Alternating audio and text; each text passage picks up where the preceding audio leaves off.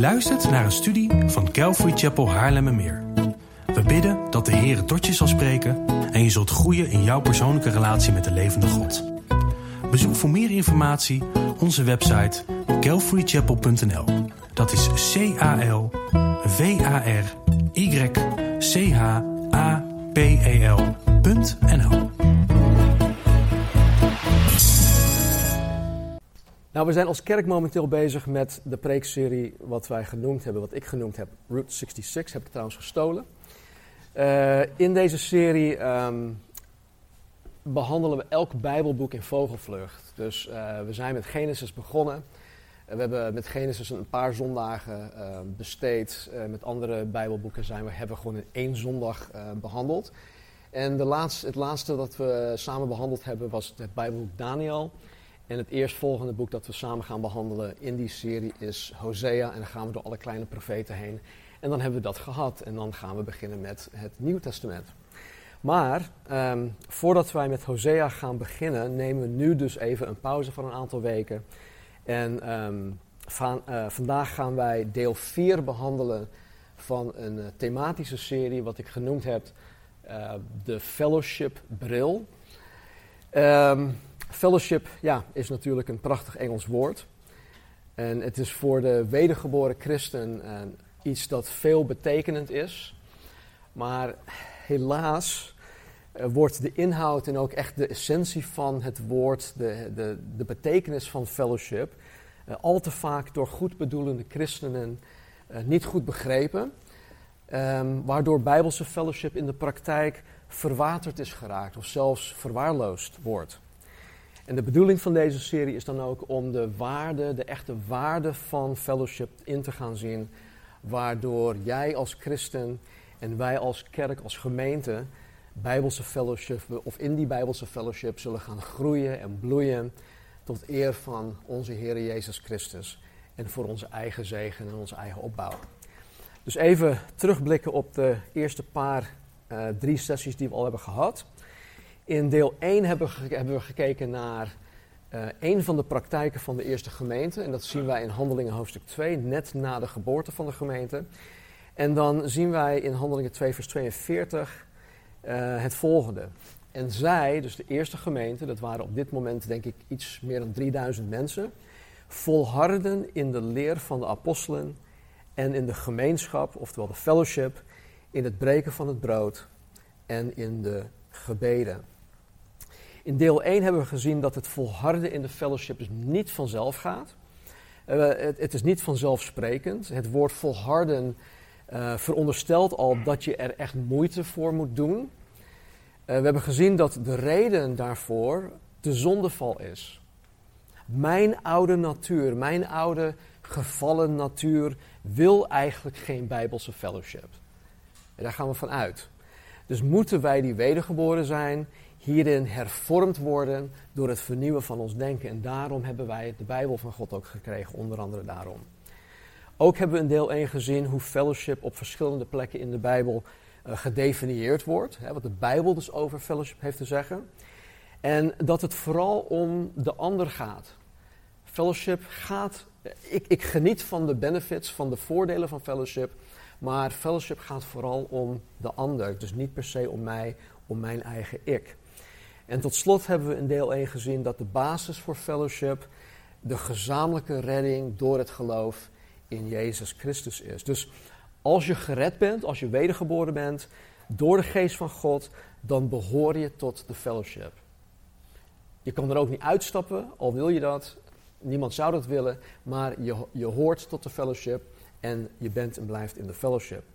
In deel 2 hebben we gezien dat de context Oftewel de plek waar fellowship plaatsvindt, het lichaam van Christus is. En dan in de eerste plaats in de context van een plaatselijke gemeente zoals deze.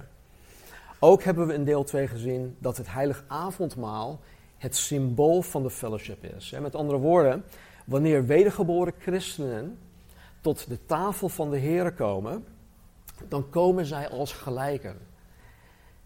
En ieder is gelijk. En ieder is een zondaar die vergeven en gered is door het bloed van Jezus Christus. Er is geen onderscheid. En dit maakt ons één. En eenheid is een onderdeel of één aspect van fellowship. Het maakt ons gelijk. Dit laat ons zien dat wij allen door hetzelfde offer gered zijn. Waardoor wij door God in de Bijbelse fellowship geplaatst zijn en fellowship met God en met elkaar hebben. En dit hebben wij dus gemeen. Nou, in deel 3 hebben we gezien dat de fellowship een, een, een, een essentieel uh, mechanisme is voor heiliging. En dat wil zeggen dat door actief deelnemer te zijn aan de fellowship, wij een heilig en aan God toegewijd leven zullen leiden. Het is de context van de fellowship dat ons doet veranderen. Het doet ons veranderen naar het evenbeeld van Jezus Christus. De fellowship hervormt ons, waardoor Jezus in ons als individu en als kerk steeds meer wordt en wij steeds minder, in de woorden van Johannes de Doper. Nou, in deze serie is het mijn bedoeling om ons een fellowship bril te geven, waardoor wij heen kunnen kijken naar ons christen zijn, naar ons gemeente zijn. En want God heeft ons niet gered om in een isolement ons eigen persoonlijke relatie met Hem te hebben, maar juist collectief, ja, persoonlijk, maar in fellowship. In fellowship met de drie enige God en in fellowship met elkaar. En zo wil ik jullie in deel 4 nog iets meegeven om goed, om goed over na te denken en het ook eigen te maken. En wat ik jullie vandaag wil meegeven is um, het gevaar voor de fellowship zoals fellowship in deze serie is gedefinieerd.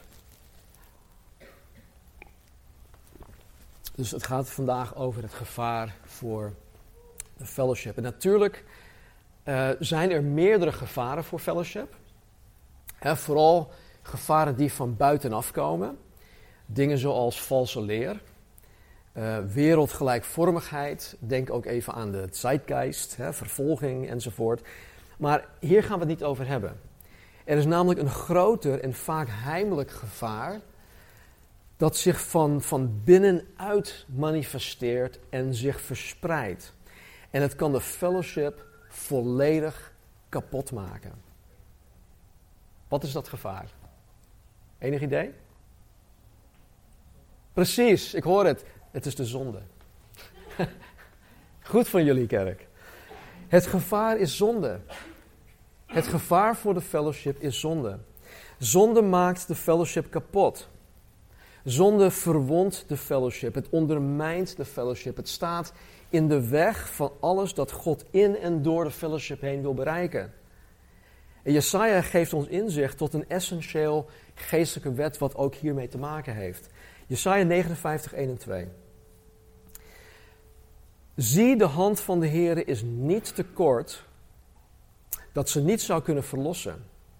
En zijn oor is niet toegestopt dat het niet zou kunnen horen. Maar uw ongerechtigheden maken scheiding tussen u en God.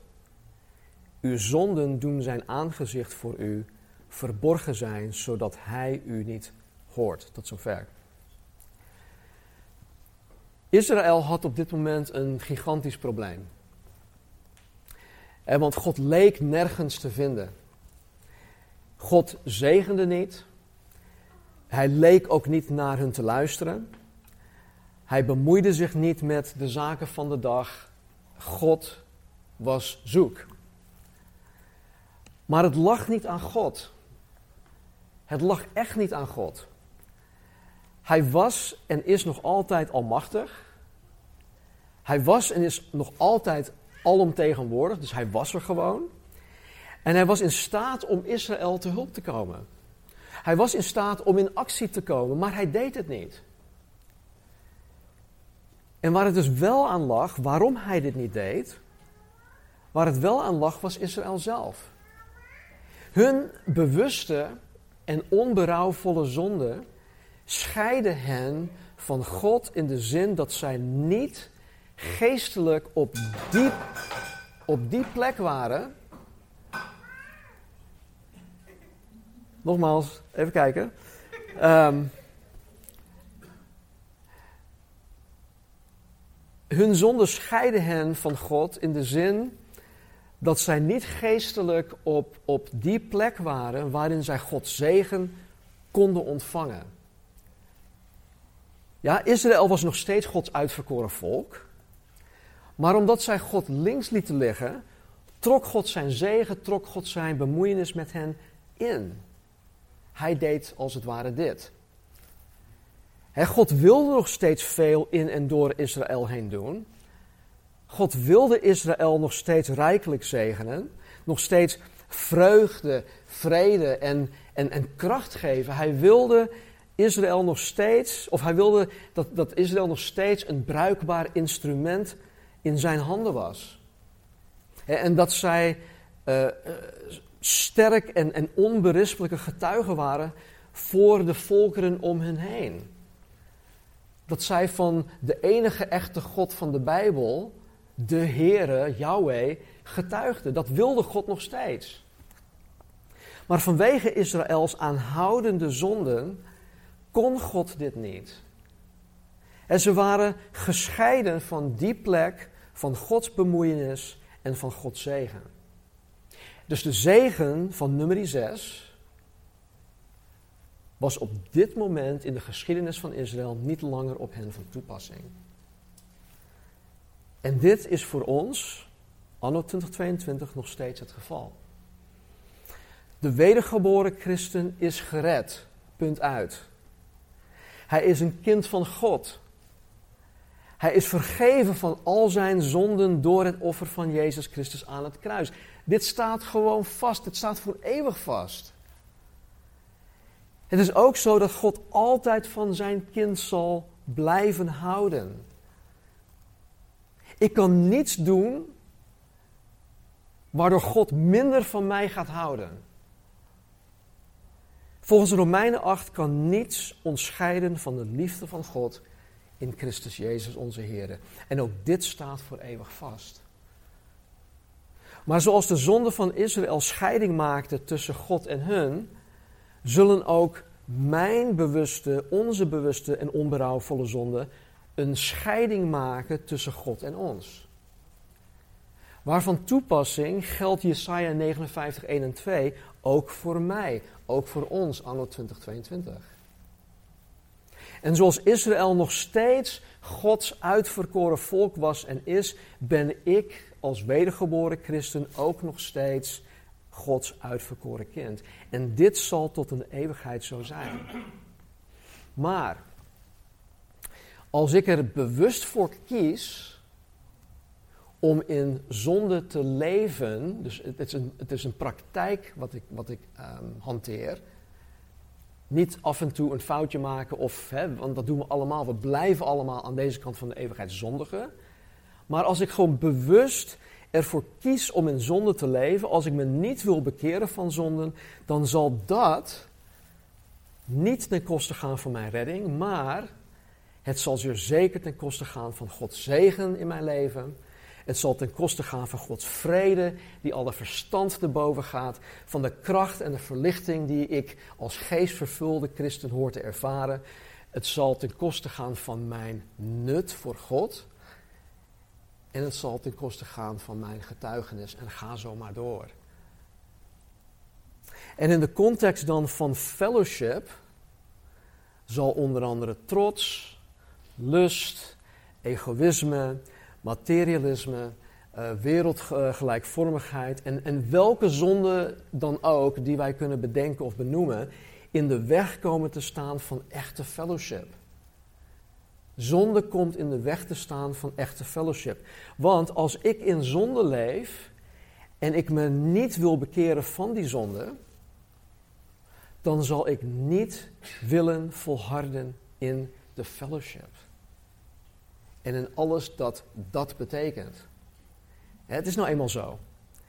En als je niet volhardt in de fellowship, zoals we dat in de eerste drie delen hebben geleerd, dan is de zonde bij machten om uh, de eenheid kapot te maken.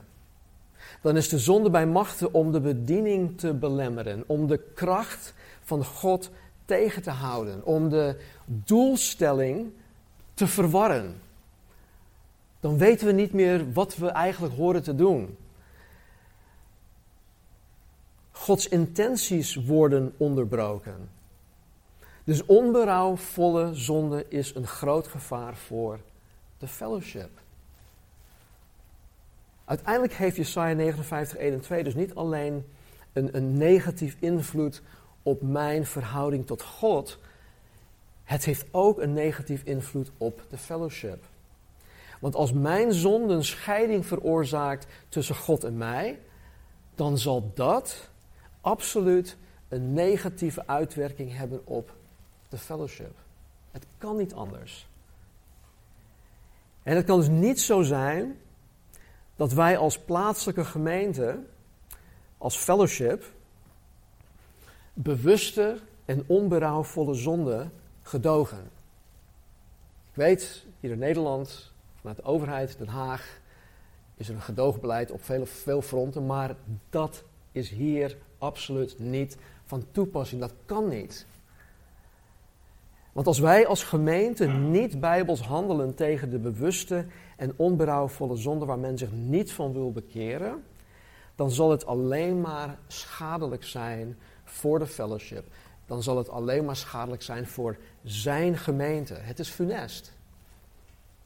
Het is als, als kanker in een lichaam dat onbehandeld blijft. Het lichaam zal vroeg of laat doodgaan. En de apostel Paulus zegt het als volgt. 1 Korinthe hoofdstuk 5. Men hoort algemeen dat er hoererij onder u voorkomt, en wel zo'n vorm van hoererij, waarvan zelfs onder de heidenen geen sprake is. Namelijk dat iemand de vrouw van zijn vader heeft, dus hij slaapt met zijn stiefmoeder. En u doet zich zo gewichtig voor. Kunt u niet beter treuren, om dan hem die deze daad begaan heeft uit uw midden weg te doen? Ik heb, hoewel afwezig met het lichaam, maar aanwezig met de geest, namelijk reeds besloten, alsof ik aanwezig was, om hem die dat zo gedaan heeft, in de, aanwez uh, sorry, in de naam van onze Heer Jezus Christus, als u, mijn geest, als u en mijn geest bijeengekomen zijn, in de kracht van onze Heer Jezus Christus over te geven aan de Satan. Dus hij zegt, ik heb besloten om deze persoon over te geven aan de Satan, tot verderf van het vlees, opdat de geest behouden zal worden op de dag van de Heer Jezus. Uw roem is niet goed. Weet u niet dat een klein beetje zuurdeeg het hele deeg doorzuurt? Verwijder dan het oude zuurdeeg, opdat u een nieuw deeg zult zijn. U bent immers ongezuurd, want ook ons paaslam is voor ons geslacht Christus. Laten wij dus feest vieren, niet met oud zuurdeeg, ook niet met zuurdeeg van slechtheid en boosaardigheid, maar met ongezuurde broden van oprechtheid en waarheid. Ik heb u geschreven in de brief dat u zich niet moet inlaten met ontuchtplegers. Echter, niet in het algemeen met ontuchtplegers van deze wereld of met hebzuchtigen of rovers of afgodendienaars, want dan zou u uit de wereld moeten gaan. Maar nu heb ik u geschreven dat u zich niet moet inlaten met iemand terwijl hij een broeder wordt genoemd, een ontuchtpleger is, of een hebzuchtige, of een afgodendienaar, of een lasteraar, of een dronkaard, of een rover. Met zo iemand moet u zelfs niet eten. Het is toch niet aan mij om hen die buiten zijn te oordelen? Oordeelt u immers niet alleen hen die binnen zijn, maar hen die buiten zijn oordeelt God. Doe de kwaaddoener uit uw midden weg. Tot zover. Kijk, kort samengevat dit. Er was iemand in de kerk in Korinthe die buitenechtelijke seks had met zijn stiefmoeder. Daar kwam het op neer. En de kerk bedekte hun zonde met de mantel der liefde.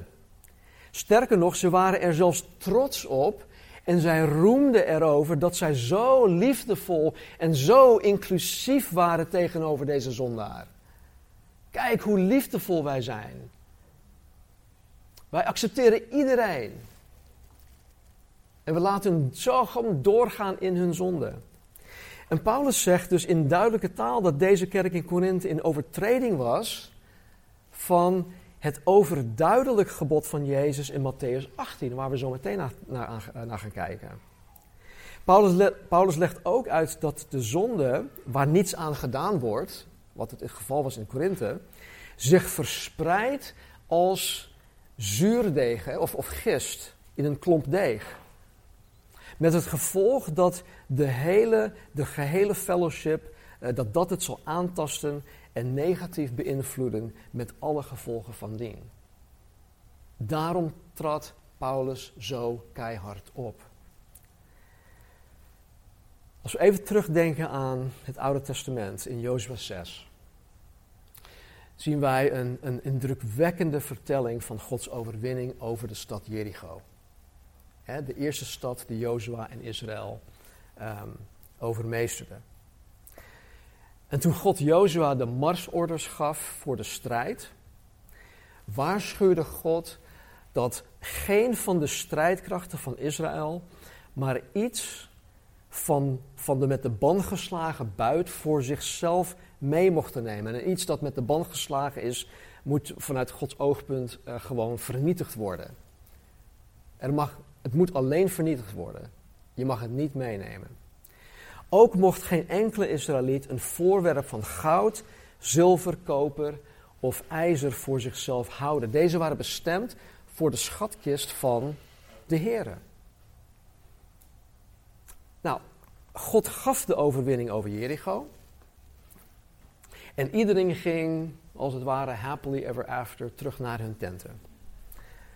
Vervolgens moest Jozua en Israël de volgende stad veroveren en dat was Ai, AI. Alleen gaf God hun over deze stad niet de overwinning. Daarentegen kregen zij echt een pak slaag. Waardoor Jozua vervolgens helemaal depri raakte en hij begon te jammeren en te klagen bij God. Heeft hij ons over de Jordaan laten oversteken om ons hier, bla bla bla bla. Dat is een heel zielig verhaal. Waarop God dan antwoordt, en dan staat dit in Jozua hoofdstuk 7. Toen zei de Heer tegen Jozua, sta op, waarom ligt u zo met het gezicht ter aarde? Israël heeft gezondigd. Ook hebben zij mijn verbond, dat ik hun geboden had, overtreden. Bovendien hebben zij genomen van wat met de ban gewijd was en ook gestolen en ook gelogen en ze hebben het ook bij hun huisraad gelegd. Daarom zullen de Israëlieten niet kunnen standhouden tegenover hun vijanden. Zij zullen voor hun vijanden vluchten, want zij liggen onder de ban. Ik zal voortaan niet meer met u zijn als u de ban niet uit uw midden wegvaagt. Sta op, heilig het volk en zeg, heilig u voor morgen. Want zo zegt de Heere, de God van Israël. Er is een ban in uw midden, Israël. U zult niet tegenover uw vijanden kunnen standhouden totdat u de ban uit uw midden wegdoet. Tot zover. Jozua die had er niks van begrepen. Hij, hij wist niet wat er aan de hand was, dus hij jammerde en klaagde bij God. En God geeft hier dus duidelijk aan wat er daadwerkelijk aan de hand was. En God geeft, een duidelijk, God geeft Jozua een duidelijk bevel om hun probleem op te lossen. Het volk moest geheiligd worden en zij moesten het gebannene uit hun midden wegdoen.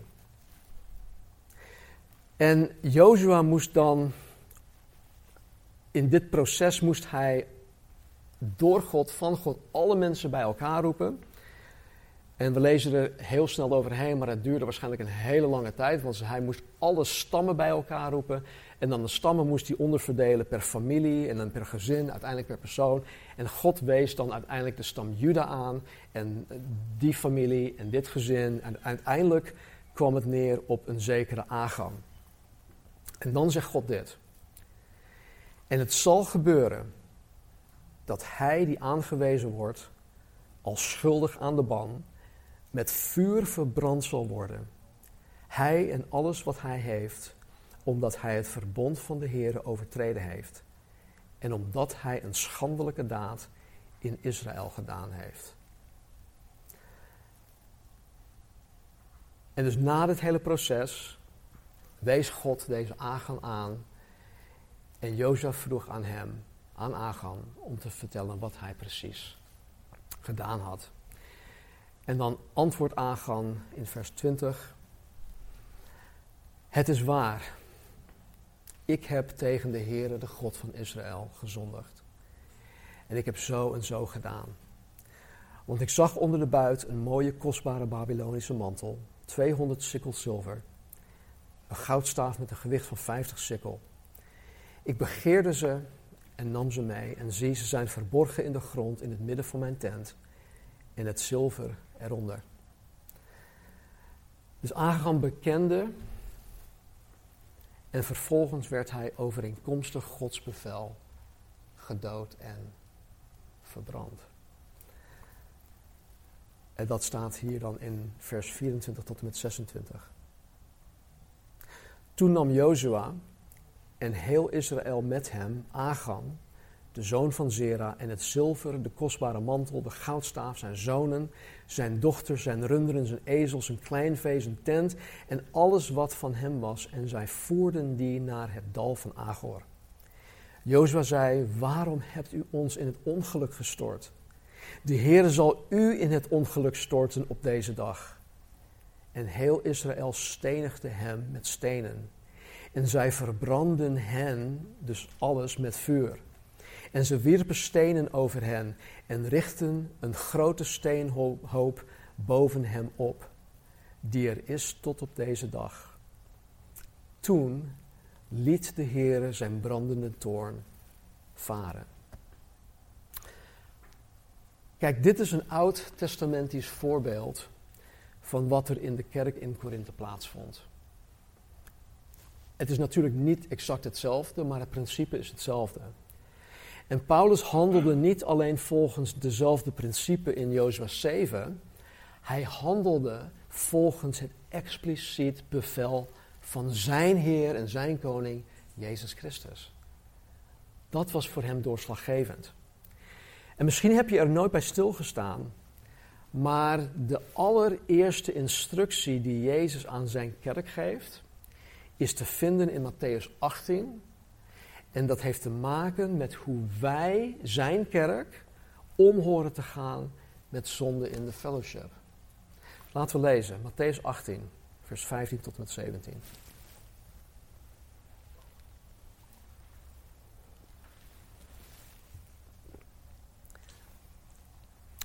Als uw broeder tegen u gezondigd heeft. Ik heb tegen u schuin gezet omdat het niet in alle ehm, handschriften voorkomt. Maar goed, als, u tegen, als uw broeder tegen u gezondigd heeft of als uw broeder gezondigd heeft, ga naar hem toe.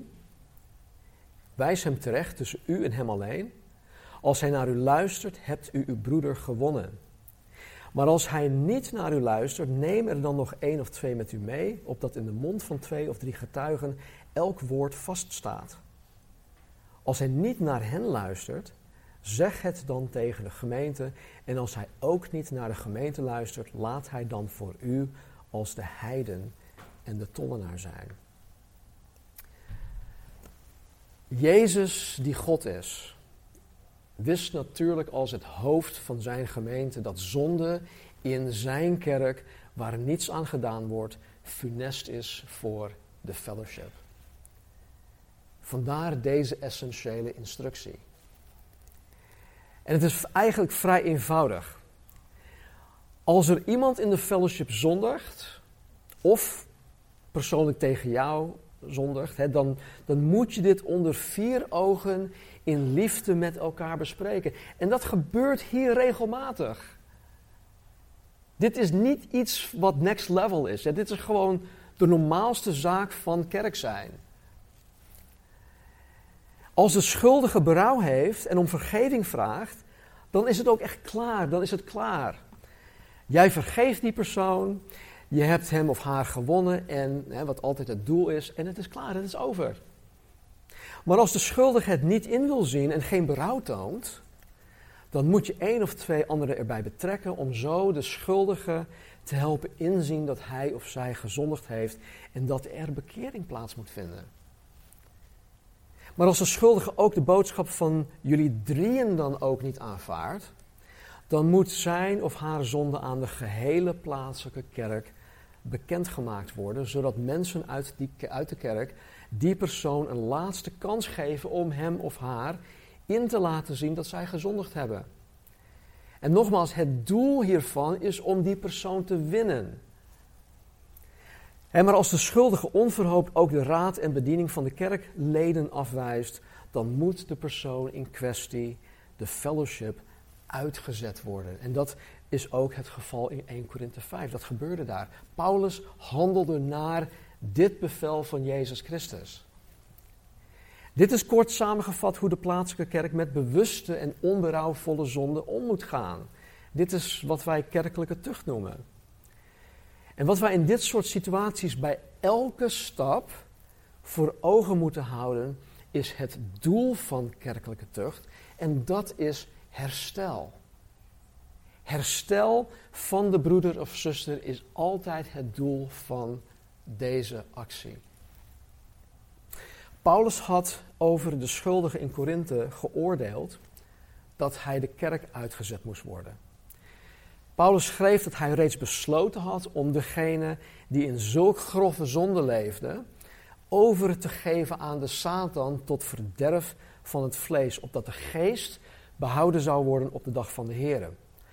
Nou, het overgeven aan de Satan, dat klinkt heel erg rigoureus, maar dat betekent simpelweg dat die persoon uit de fellowship wordt gezet en dan niet om die persoon per se uh, te, te straffen, maar om die persoon tot het einde van zichzelf te laten komen, zodat hij tot de fellowship hersteld zou kunnen worden. Wat trouwens ook in 2 Korinthe gebeurde. Kijk, toen was het anders. Er was één gemeente in Korinthe. En als je eruit gezet werd, waar kon je naartoe? Hetzelfde probleem met de eerste gemeente in Jeruzalem. Al die, al die mensen die van al die andere, andere landen naar Jeruzalem toe kwamen om het, paas, uh, om, om het Pinksterfeest te vieren, die kwamen tot geloof. En ja, die wilden niet meer terug naar hun, woon, hun woonplaats, omdat daar geen kerk was. Dus waar, waar zou hij naartoe kunnen gaan? Nergens. Vandaag is het anders. Als je bij ons weggaat, nou, dan ga je op zoek, hè, dan ga je googlen of dan ga je wat dan ook. Dan ga je op zoek naar een andere kerk. Maar toen was dat niet zo. Je werd echt aan je lot overgelaten. Je wordt als het ware aan de Satan overgedragen. Zodat je tot het einde van jezelf komt. Dus ja, er moet keihard opgetreden worden tegen onberouwvolle zonden waarvan iemand zich niet wil bekeren. Maar het mag nooit, en dit is heel belangrijk, het mag nooit uit frustratie gebeuren. Het mag nooit uit rancune gebeuren. Kerkelijke tucht moet herstel als motivatie hebben. Het moet het winnen van een zondige broeder of zuster als motivatie hebben. Want hoe jij en ik een broeder, een andere christen behandel, een broeder of zuster, is hoe wij Christus behandelen. Ja, knoop dat echt heel goed in je oren. Hoe ik een broeder of zuster behandel, is hoe ik Christus behandel. Weet jullie nog, toen, toen Paulus um, in Handelingen 9 gegrepen werd door Jezus. Jezus verscheen en wat zei Jezus tegen hem? Waarom vervolgt u mij? Jezus was in de hemel. Paulus deed lelijke dingen tegen de christenen. En Jezus zei, waarom vervolgt u mij? Dus Jezus neemt het heel erg persoonlijk op wanneer wij lelijk zijn tegen elkaar. Dus hoe ik andere broeders en zusters behandel, zo behandel ik Christus. Nou, gelukkig hebben wij in de praktijk ondervonden, wij als plaatselijke kerk, dat in de meeste gevallen wij niet verder hoefden te gaan dan stap 2. dus een paar andere mensen meenemen, met die persoon praten en dan is het klaar. In de meeste gevallen hadden mensen zich bekeerd. Alles was goed. Het was klaar. En samen gingen we verder, samen groeiden wij in liefde in de Heer en we denken er ook niet over over na. Eh, er wordt nooit meer over gepraat. In enkele, in enkele, enkele gevallen, waar men zich dus niet wilde bekeren en ook niet verder wilde gaan in het proces, haakten, mens, haakten mensen af. die zijn na stap 2 bijvoorbeeld al afgehaakt en die gingen dan weg. Dus ze wisten, hé, hey, als, je nu niet, als je je nu niet bekeert, dan gaan we het aan de gemeente vertellen. Ja, en, en, mensen willen dat natuurlijk niet. Wie wil dat? Ik zou het ook niet willen. Maar als ik schuldig ben, dan moet dat wel. Weet je, dus mensen haakten af. En uh, in deze gevallen kwam het vrijwel nooit verder, wat ik zei, dan stap 2. En in de afgelopen 15 jaar kan ik deze gevallen gelukkig op één hand tellen. Maar maak je mensen dan niet bang, zou je kunnen vragen. Maak je mensen hier dan niet bang? Lopen de mensen hier dan niet op hun tenen? Krampachtig? En creëer je dan hiermee niet een sfeer van argwaan? En ben je dan niet bang dat mensen weggaan, dat de kerk leegloopt? Want ja, dit soort draconische en, en liefdeloze maatregelen zijn toch helemaal niet goed voor de fellowship? Dat is toch niet meer van deze tijd? Kijk, ik kan me goed voorstellen dat mensen anno 2022 zo denken, maar als Jezus in Matthäus 16 onmiskenbaar verklaart dat Hij zijn gemeente zal bouwen, en als het Nieuwe Testament verklaart dat Jezus het hoofd van zijn gemeente is, dan moet het op zijn manier.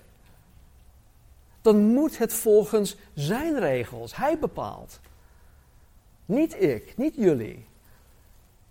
Niet jullie gevoelens. Niet mijn gevoelens.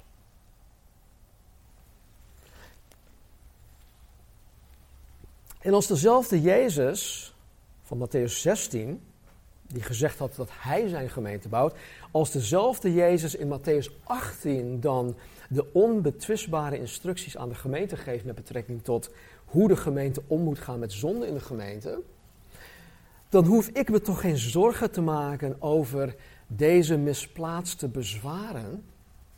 Ik hoef me daar toch geen zorgen over te maken. Wij hoeven als gemeente dan toch niet bang te zijn over wat goed bedoelende maar onwetende mensen hiervan vinden. Kijk, wat we wel moeten doen, is hierin bijbels en geleid door de Heilige Geest handelen.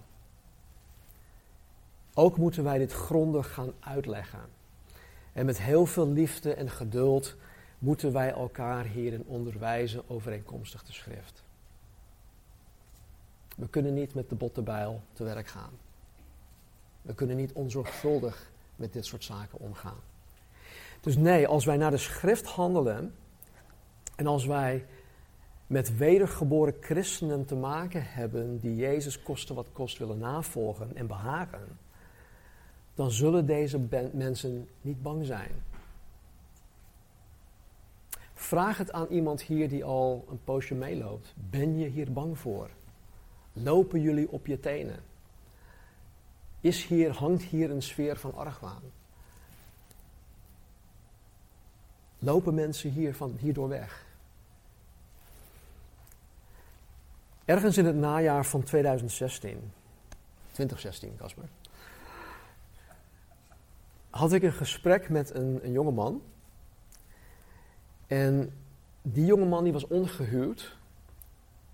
En hij woonde als ongehuwde man samen met zijn nog niet gelovige vriendin.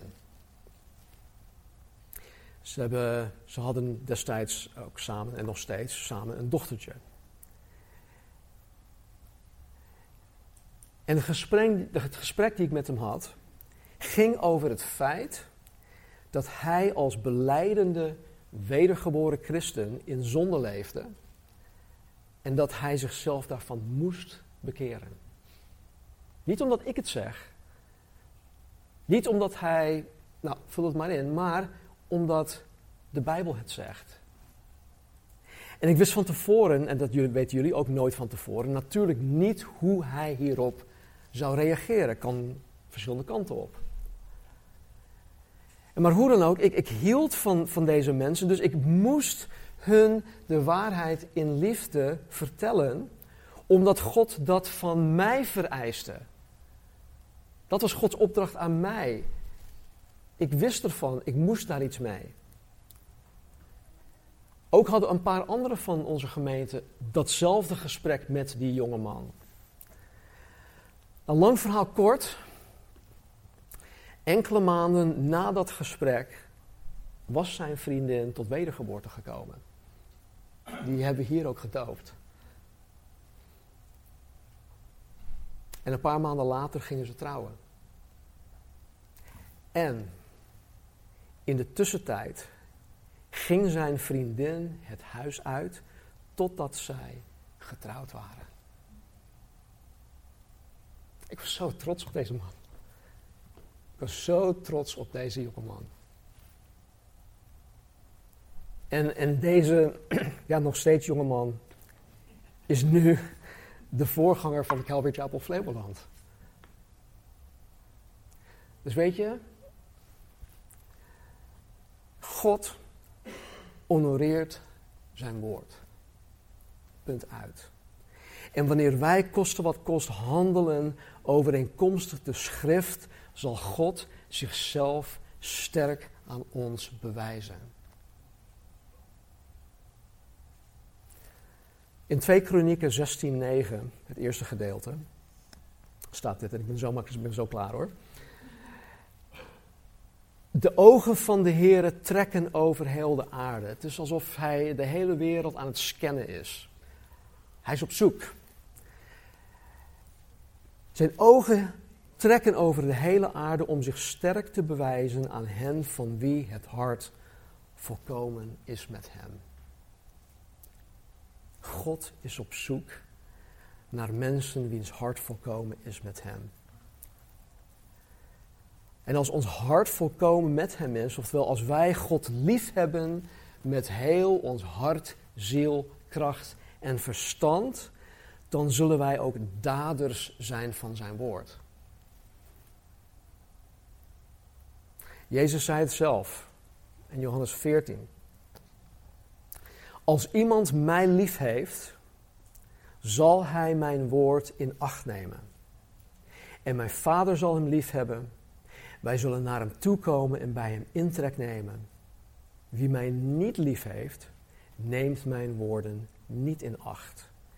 En het woord dat u hoort is niet van mij, maar van de Vader die mij gezonden heeft. Zonde is een gevaar voor de fellowship. Vandaar dat Jezus ons opdraagt om het in de kiem te smoren. Dit betekent niet dat we nu met z'n allen op zoek moeten gaan naar uh, zonde in elkaars leven. Dat we met een vergrootglas naar elkaar kijken van, oeh, wat doe jij nu verkeerd? Nee, helemaal niet. Maar als iets openbaar wordt, hè, zoals in, in, wat Paulus zegt in, in, in 1 Korinthe 5. Het was algemeen bekend. Iedereen wist het. Dus als iets openbaar wordt, als het algemeen bekend wordt, dan moeten we handelen naar de schrift. We hadden kort geleden ook een situatie hier. Waar wij, waarin wij moesten handelen naar de schrift. En ik dankte God, echt op, mijn knieën, dat het niet verder was gekomen dan stap 2.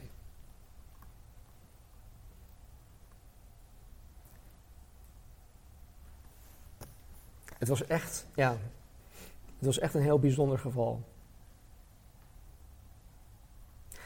Maar zonde is niet alleen een gevaar voor de fellowship. Het is de oorzaak van de gevallen wereld waarin wij leven.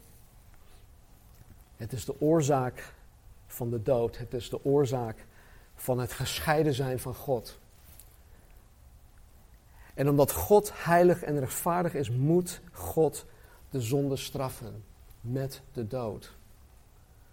Vandaar dat al die dieren in Leviticus en door de eeuwen heen geslacht moesten worden, gedood moesten worden. Maar uiteindelijk is Jezus het perfecte offer geweest, die voor ons gestorven is.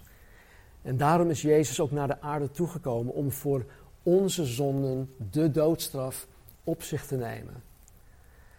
Jezus heeft de straf die ik verdien op zich genomen, zodat ik volkomen vergeven kan zijn van al mijn zonden, zodat ik gered kan zijn van de eeuwige dood, zodat ik fellowship kan hebben met God en met anderen die ook fellowship met God hebben. In Jesaja 59 hebben we gelezen dat de zonde God van de mens scheidt. Jezus is hier het keiharde bewijs van. Weet je waarom? Toen Jezus de zonde van de wereld op zich nam, toen hij aan het kruis hing, riep Jezus op een gegeven moment met luide stem: Mijn God, mijn God, waarom hebt u mij verlaten? Op dat moment dat hij de zonde van mij en van jullie en van de wereld droeg, trok God zijn handen van hem af. Jesaja 59, 1 en 2. Jezus is daar het keiharde bewijs van. Mijn zonde scheiden Jezus voor een moment van God de Vader.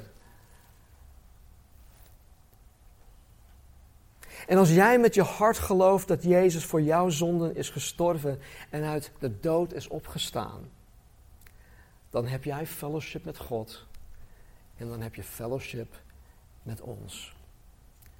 En zo niet, maak vandaag de keus. Vandaag is de dag van de redding. Laten we bidden.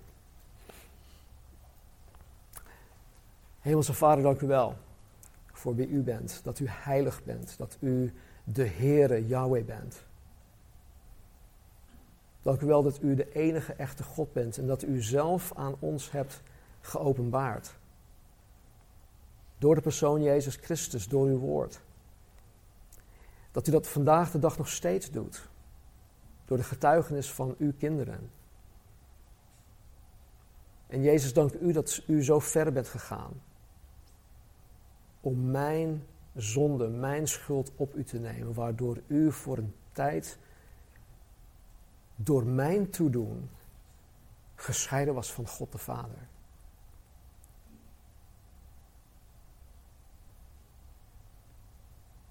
En heren, het waren niet de spijkers die uw dood veroorzaakten. Volgens sommige medici stierf u door een gebroken hart.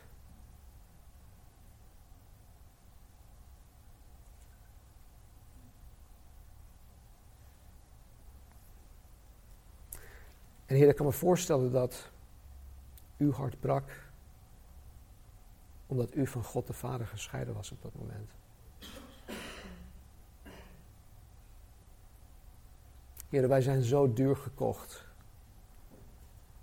U heeft zo'n grote prijs betaald voor ons, voor mij. Dus help ons om daarvan doordrongen te zijn. En zoals we vanmorgen dan ook het heilige avondmaal vieren.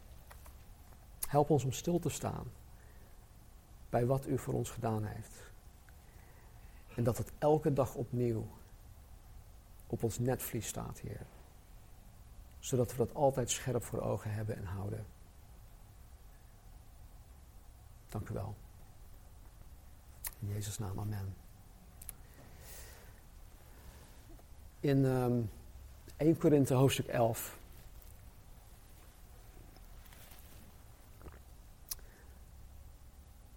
schreef Paulus iets over het, over het heilige avondmaal. En dan zegt hij in 1 Korinthe 11 vanaf vers 23. Eh, ik heb van de Heere ontvangen wat ik u ook heb overgeleverd. Dat de Heer Jezus in de nacht waarin hij verraden brood nam, waarin hij werd verraden, sorry, brood nam. En nadat hij gedankt had, brak hij het en zei: Neem, eet, dit is mijn lichaam, dat voor u gebroken wordt. Doe dat tot mijn gedachtenis. Evenzo nam hij ook de drinkbeker na het gebruiken van de maaltijd en zei: Deze drinkbeker is het Nieuwe Testament in mijn bloed. Doe dat zo dikwijls als u die drinkt, tot mijn gedachtenis. Want zo dikwijls als u dit brood eet en deze drinkbeker drinkt, verkondigt de dood van de Heer totdat hij komt. Daarom, wie op onwaardige wijze dit brood eet of de drinkbeker van de Heer drinkt, is schuldig aan het lichaam en bloed van de Heer. Maar laat ieder mens zichzelf beproeven en laat hij zo eten van het brood en drinken uit de drinkbeker. Want wie op onwaardige wijze eet en drinkt, die eet en drinkt zichzelf een oordeel, omdat hij het lichaam van de Heer niet onderscheidt. Daarom zijn er onder u veel zwakken en zieken en velen zijn ontslapen. Want als wij onszelf zouden beoordelen, zouden wij niet geoordeeld worden. Maar als wij geoordeeld worden, worden wij door de Heer bestraft, opdat wij niet met de wereld veroordeeld zouden worden. Als jij wedergeboren bent, dan mag je deelnemen aan het Heilige Avondmaal. We hebben hier geen speciale regels voor lidmaatschap of iets dergelijks. Maar onderzoek je eigen hart. Onderzoek je hart. Leid jij een leven van bewuste en onberouwvolle zonde waar je je niet van wil bekeren? Dat moet je jezelf afvragen. Zo ja, bekeer je daarvan. Dat kan. Nu. Niet richting mij, maar tussen jou en God. Bekeer je. En neem dan gewoon deel aan de elementen en geniet van het verlossend werk van Jezus bloed. God heeft de prijs betaald. Jezus heeft de prijs betaald. En Hij wil jou vrijmaken van de gebondenheid waarin je leeft. Ik heb het niet over alledaagse dingen die we doen, maar echt structurele zonden in je leven. Willens en wetens gewoon doorgaan. André zal ons zometeen leiden in een, uh, in een aantal liederen. En ik wil je vragen om vanuit je eigen stoel met God te praten. Onderzoek je eigen hart. Dit is tussen jou en God. En wanneer je er klaar voor bent, uh, pak de elementen, neem ze terug naar de stoel. Als je gehuurd bent en jullie zijn samen, uh, doe dat ook samen met je man of vrouw. En um, Ja, dan laat ik het bij. Ja? Dankjewel.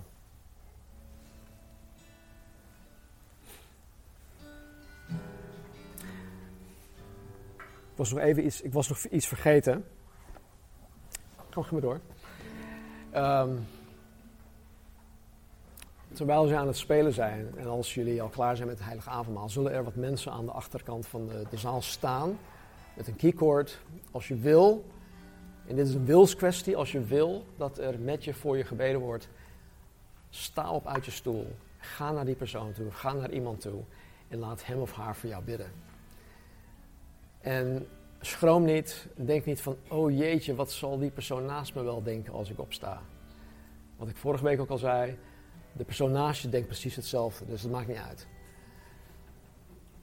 Ja, dus maak er gebruik van. En je hoeft niet een, je hele levensverhaal te vertellen. Soms hoef je alleen maar steekwoorden aan te geven. Soms hoef je helemaal niks te zeggen. Zeg gewoon van, heer, bid gewoon voor mij. Ja, dus maak er gebruik van.